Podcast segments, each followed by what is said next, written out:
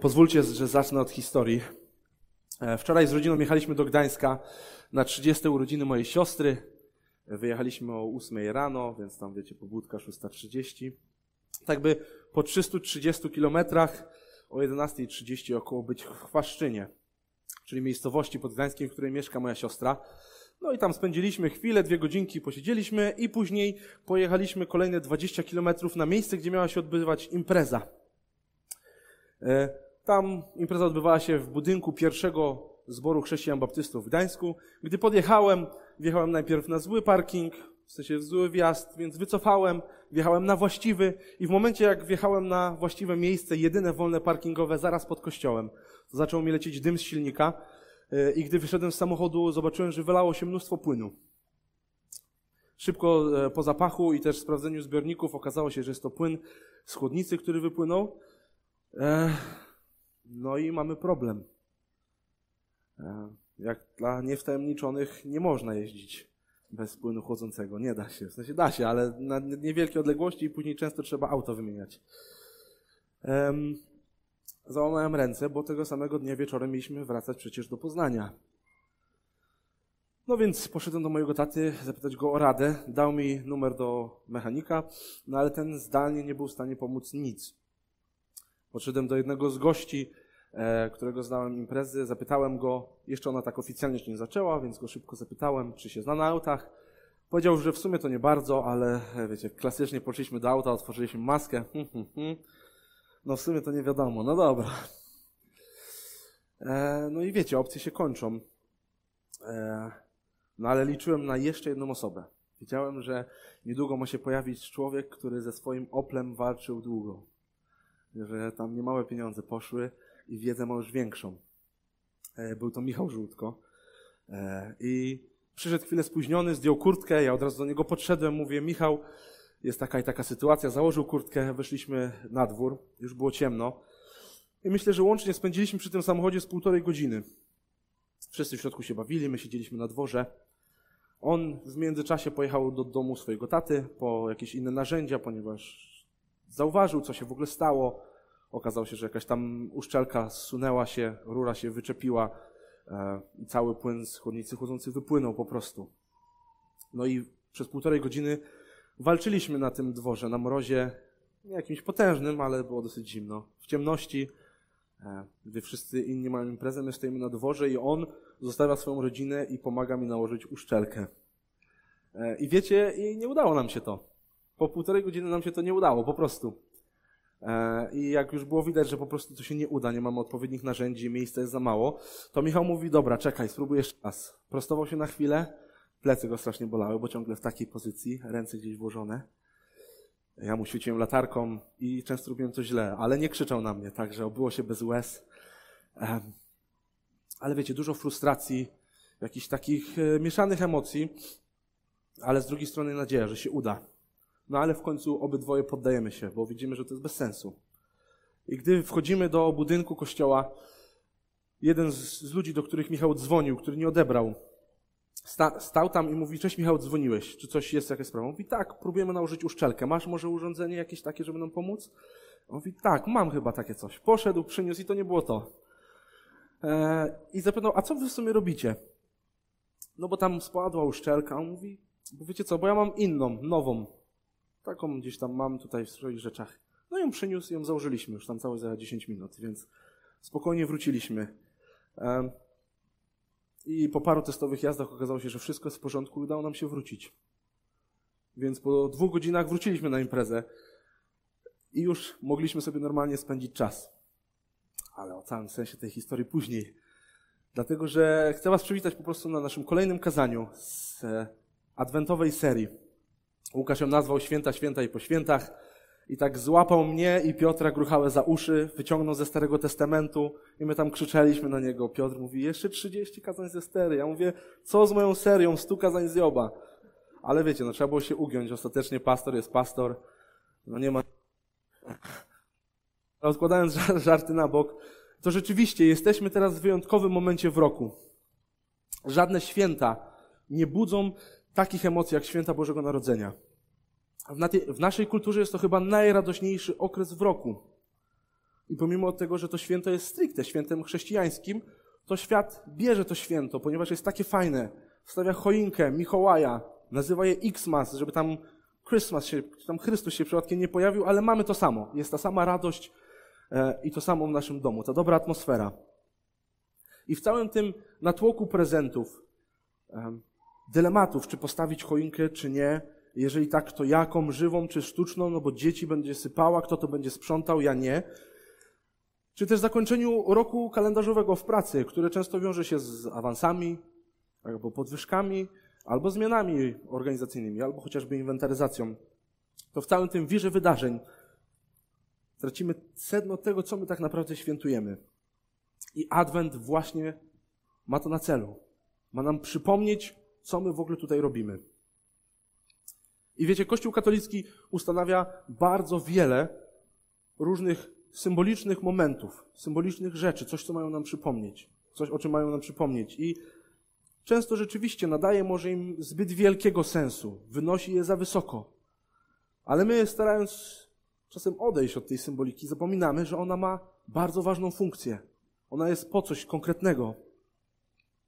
I teraz parę razy będzie można podnieść rękę, żeby tam, wiecie, krew dopłynęła. Ręka do góry, w którym domu kładzie się dzisiaj siano pod obrus?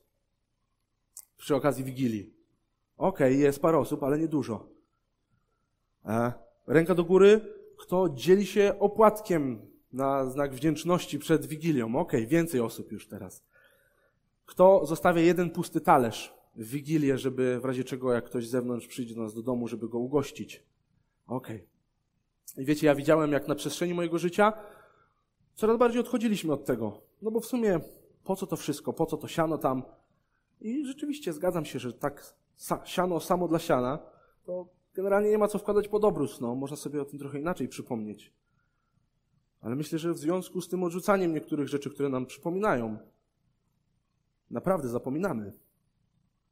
I dzisiaj również w tym kazaniu chcę nam przypomnieć o czymś jeszcze ważniejszym ważniejszym niż to siano, opłatek i tak dalej. Chcę przypomnieć o tym, że Chrystus zanim się narodził, to przez dziewięć miesięcy znajdował się w brzuchu pewnej kobiety o imieniu Maria. Sorry za spoiler, tak będzie. Ale teraz do początku. Ewangelia Łukasza, pierwszy rozdział 26 do 38 wersetu.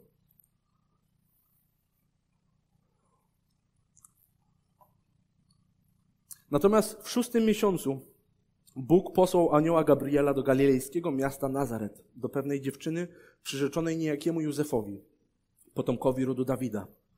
Miała ona na imię Maria, była dziewicą. Po przybyciu anioł powiedział, witaj obdarzona łaską, Pan z tobą. Szczęśliwa jesteś między kobietami. Lecz ona przelękła się tych słów i zaczęła się zastanawiać, co by to przywitanie mogło znaczyć. Anioł zaś powiedział jej, Przestań się bać, Mario, znalazłaś łaskę u Boga. Oto zajdziesz w ciążę, urodzisz syna i nadasz mu imię Jezus. Będzie on kimś wielkim, nazwą go synem Najwyższego. Pan Bóg da mu też tron jego ojca Dawida. Będzie on królował nad domem Jakuba na wieki, a jego królestwu nie będzie końca. Maria zapytała anioła, jak to się stanie, skoro nie, zna, nie współżyłam jeszcze z mężem? Anioł jej odpowiedział, Duch Święty stąpi na ciebie i moc Najwyższego okryje cię swym cieniem. Dlatego też święte dziecko, które się urodzi, będzie nazwane synem Boga. Również twoja krewna Elżbieta poczęła syna w swoim podeszłym wieku. Ta, którą uważano za niepłodną, jest już w szóstym miesiącu. Żadne słowo Boga nie pozostanie bowiem bez spełnienia. Maria odpowiedziała: Oto jestem, gotowa służyć Panu. Niech mi się stanie według Twojego słowa. I anioł odszedł. I przejdziemy sobie po kolei przez ten tekst. Więc zaczyna się on słowami natomiast w szóstym miesiącu. I chodzi tutaj o szósty miesiąc ciąży Elżbiety. I co do daty niewiele nam to mówi, e, ale według historyków znajdujemy się między ósmym a drugim rokiem przed Chrystusem. Także tutaj już wtedy wiedzieli. I dalej czytamy, Bóg posłał anioła Gabriela do galilejskiego miasta Nazaret, do pewnej dziewczyny, przyrzeczonej niejakiemu Józefowi, potomkowi rodu Dawida. Miała ona na imię Maria, była dziewicą. I w oddalonej od nas około 2600 kilometrów miejscowości, nawet wsi, liczącej wtedy 1500 mieszkańców, tak szacują, mieszka Maria, 14-letnia dziewczyna, która jest przyrzeczona Józefowi z rodu Dawida. I wiek Józefa nie jest nam dokładnie znany, ale mógł on mieć wtedy około 33 lat. Z ciekawostek, to można znaleźć w internecie na temat tej dwójki, czyli Marii i Józefa, bardzo dużo informacji, różnych legend, historii. Y, I są takie nawet, w których jest mowa, że Józef miał 90 lat, jak poślubiał Marię. Tak przeczytałem i to jedna była z pierwszych w Google podpowiadanych. Podpowiem, że średnia wieku w tamtym czasie to było 35 lat. Więc takie dwa memy przygotowałem. Pierwszy tutaj. Tutaj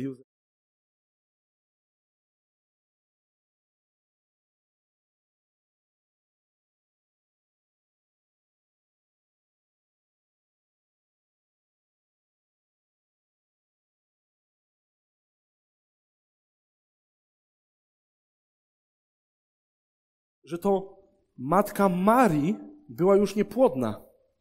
I Maria rodzi się w cudowny sposób, tak jak i ta matka zachodzi w ciąży jak Elżbieta też. Jest to cudowne narodzenie, interwencja boska. I tutaj sobie pozwoliłem jeszcze jednego mema stworzyć, e, bo tych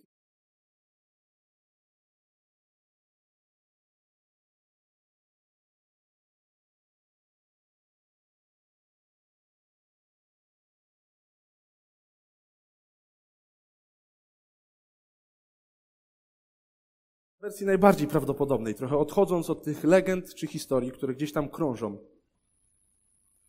Czyli 14-letnia Maria ma niedługo poślubić 33-letniego Józefa w ustawionym małżeństwie.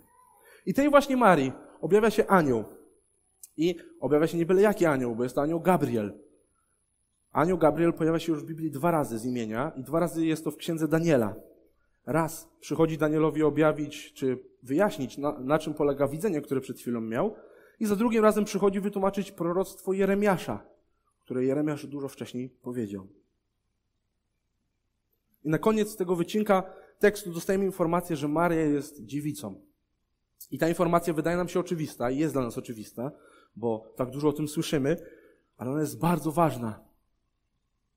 Wskazuje ona na to, że już samo poczęcie Jezusa będzie wyjątkowe. Maria nie jest kolejną Elżbietą z początku tego rozdziału. I czytamy dalej. Po przybyciu anioł powiedział: Witaj, obdarzona łaską, Pan z tobą. Szczęśliwa jesteś między kobietami. Lecz ona przelękła się tych słów i zaczęła się zastanawiać, co by to przywitanie mogło znaczyć.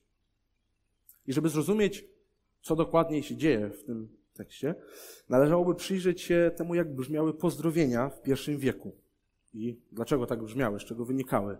I my nie będziemy wchodzić za bardzo tutaj w szczegóły tego, e, za chwilę powiem troszeczkę, ale dwie króciutkie historie w związku z tym. Pamiętam, że jak byłem nastolatkiem, e, przychodząc do kościoła, jeden ze starszych wujków zwrócił mi uwagę, e, ponieważ wyciągałem do niego rękę pierwszy, żeby się z nim przywitać. A ponieważ to on był starszy ode mnie wiekiem, więc to do niego należała decyzja, w jaki sposób on się ze mną przywita. Czy wyciągnie rękę, czy wykona inny gest, który ja będę mógł co najwyżej powtórzyć. Było, byłem wtedy bardzo zdziwiony, ale czegoś się nauczyłem. Na studiach pamiętam, jak wysłałem mail do jednego z doktorów, zaczynając go Witam Pana. W mailu zwrotnym dostałem tylko link, bez żadnej treści, do wywiadu w radiu, który w całości poświęcony był temu, w jaki sposób rozpoczynać korespondencję do kogoś ważniejszego. Wtedy dowiedziałem się, że szanowny panie jest minimum, jakie sprawi, że dostanę w ogóle odpowiedź zwrotną. No więc Maria zostaje przywitana słowami: Witaj, obdarzona łaską, Pan z Tobą. I powiem Wam, że na pewno nie było to przywitanie, jakiego spodziewała się czternastoletnia dziewczyna, nie posiadająca jeszcze męża.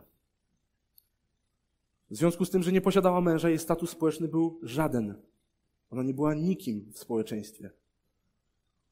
Co więcej, słowa obdarzona łaską, Pan z Tobą, nie były elementami żadnej z ówczesnych, e, ówczesnych przywitań. I na koniec Gabriel dodaje: Szczęśliwa jesteś między kobietami. I to bardzo dziwne, nietypowe przywitanie, które na pewno ją zaskoczyło. Ale co więcej, obecność Bożego dzieła sprawiły, że Maria po prostu się wystraszyła. Nie wiedziała, co się dzieje. Jest to zupełnie normalna, a nawet odpowiednia reakcja. Łukasz, ewangelista, często podkreśla właśnie taką reakcję na spotkanie z samym Bogiem czy z Jego dziełem. Nie jest to radość i wybieganie w przytuleniu, szczęście, tylko po prostu strach. Anioł zaś powiedział jej: Przestań bać się, Mario, znalazłaś łaskę u Boga. Oto zajdziesz w ciążę, urodzisz syna i nadasz mu imię Jezus. Będzie on kimś wielkim, nazwą go synem Najwyższego. Pan Bóg da mu też tron jego ojca Dawida. Będzie on królował nad domem Jakuba na wieki, a jego królestwu nie będzie końca. I Gabriel zaczyna w ten sam sposób, w jaki zaczyna z Zachariaszem w wersecie 13. Te sytuacje są bardzo podobne. A Zachariasz również, jak Maria, anioła się przestraszył. I obydwoje Maria i Zachariasz słyszą, nie bój się. Lecz w przypadku Zachariasza widzimy, że anioł przyszedł i odpowiada na jakąś jego modlitwę, zostaje wysłuchana jego modlitwa. W przypadku Marii możemy zakładać, że nie modliła się o to, aby zajść w ciąży przed ślubem i by jej synem był Bóg. No ale znalazła łaskę u Boga. Zajdzie w ciążę i nazwie swojego syna Jezus. I ten Jezus będzie kimś wielkim. I znowu podobieństwo do Zachariasza jest wielkie, do tego co usłyszał, ponieważ on też dostaje zapowiedź, że Jan będzie kimś wielkim. Ale tutaj to podobieństwo się kończy, ponieważ Jezus zostaje nazwany również synem Najwyższego. Jan, co najwyżej w wersecie 76 tego rozdziału, zostaje nazwany prorokiem Najwyższego. Natomiast Jezus jest jego synem. I Maria słyszy również, że Dawid będzie ojcem Jezusa. I chodzi o króla Dawida. I nie o to, że on bezpośrednio będzie jego ojcem, tak? Pan nie da mu jego tronu ojca Dawida, tylko jest on z rodu Dawida. I zajmą jego tron jego królestwo nie będzie końca. I cały ten opis, ten początek zapowiedzi Jezusa mówi nam o Mesjaszu, pomimo tego, że słowo Mesjasz ani razu nie jest tutaj napisane. Proroctwa, które wyglądały bardzo podobnie, które w ogóle wskazywały na tą chwilę, znajdziemy w Psalmie 89, wersetach 27 do 30, albo w drugiej księdze Samuela, w siódmym rozdziale, 13 i 16 wersecie. Były to proroctwa, które zapowiadały przyjście Mesjasza. No ale kim jest Mesjasz? Mesjaszy w Starym Testamencie było wielu, bo słowo, słowo Mesjasz oznacza namaszczony.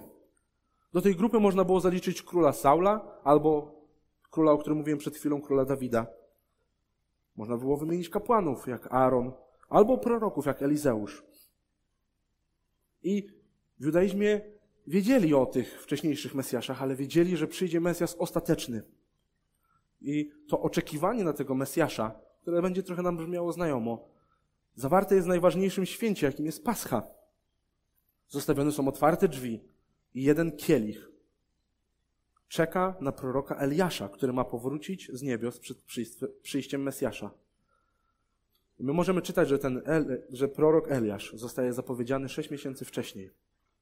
A właśnie czytamy zapowiedź Mesjasza ostatecznego, który nie będzie tylko królem, kapłanem albo prorokiem, ale połączy te wszystkie role w sobie.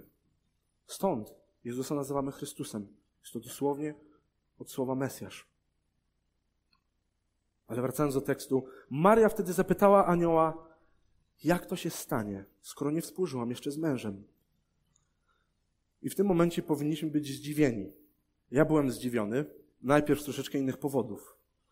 Ale wydawać by się mogło, że rzecz, o którą pyta Maria, jest tak naprawdę jedyną rzeczą, jaką my po ludzku jesteśmy w stanie sobie poukładać.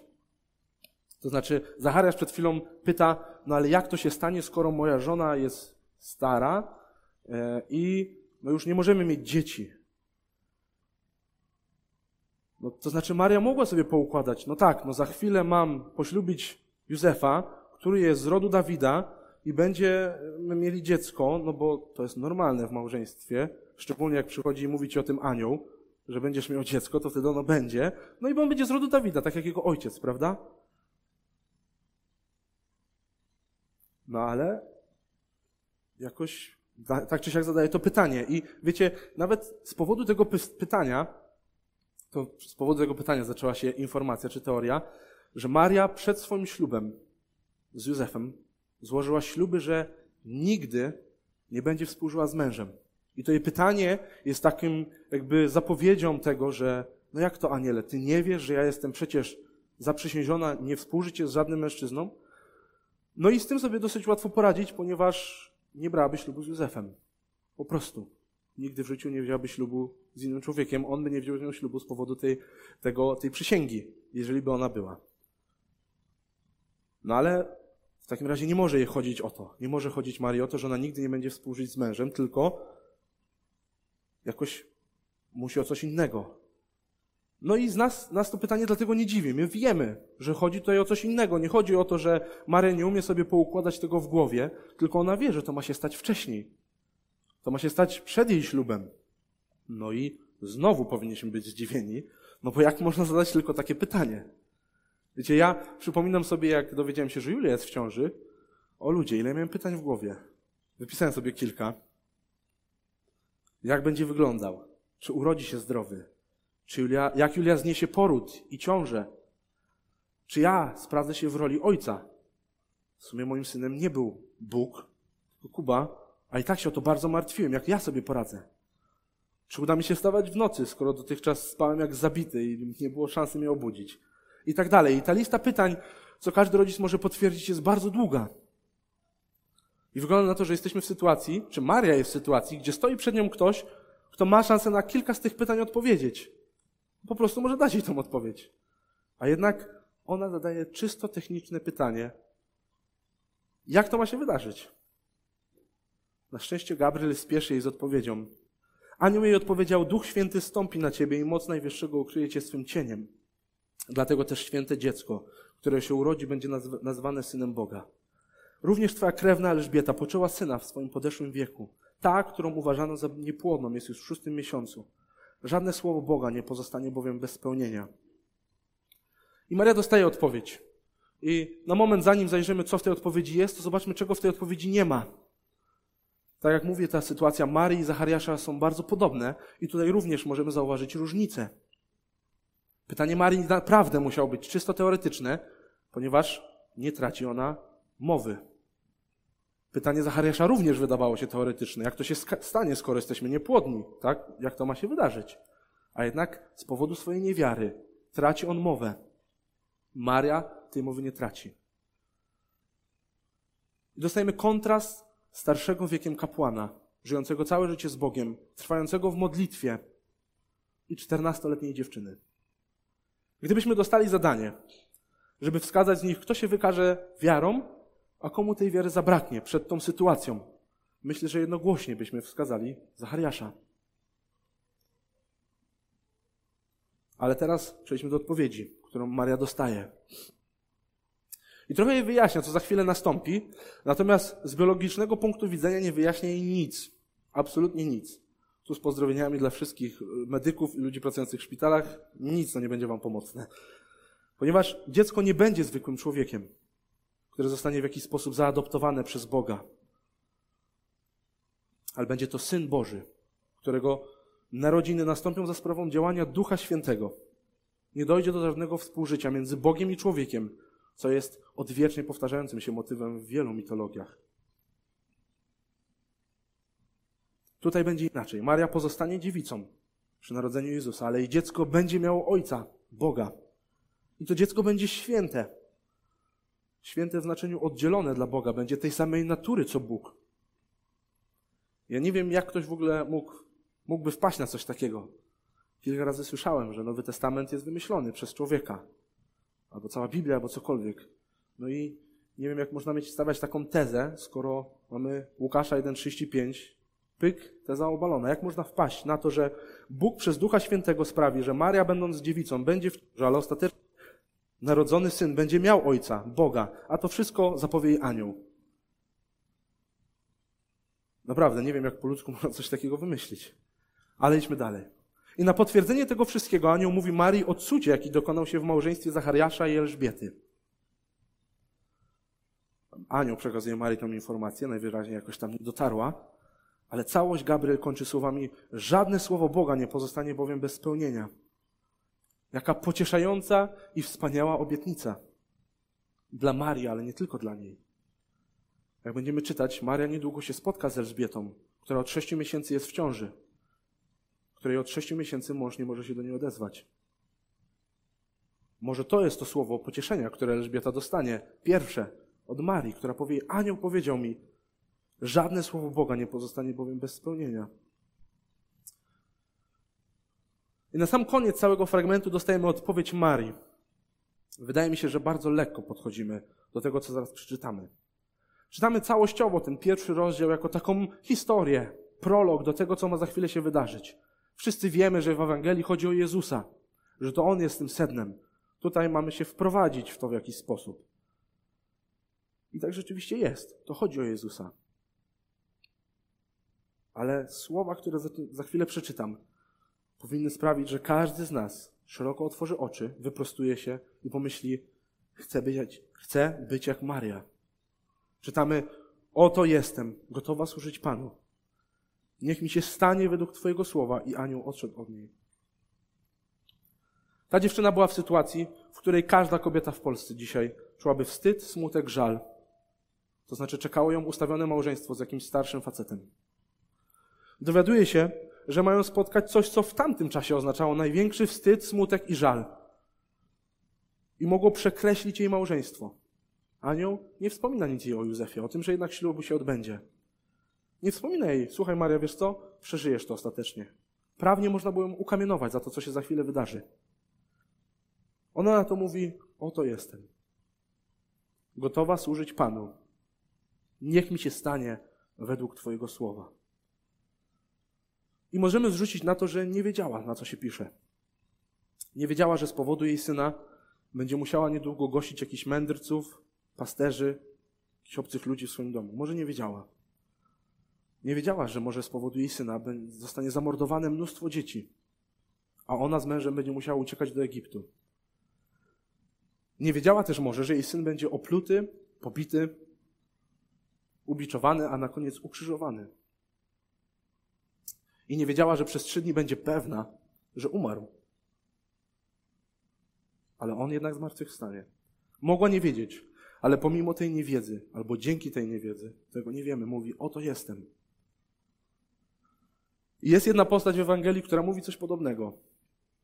Co prawda, wyraża najpierw swoją wątpliwość, bo nie miała za chwilę urodzić Boga, ale miała zostać opluta, pobita, ubiczowana, ukrzyżowana i oddzielona od Boga. Pierwszy raz w historii miała nie czuć obecności Ojca. I tą postacią jest Jezus.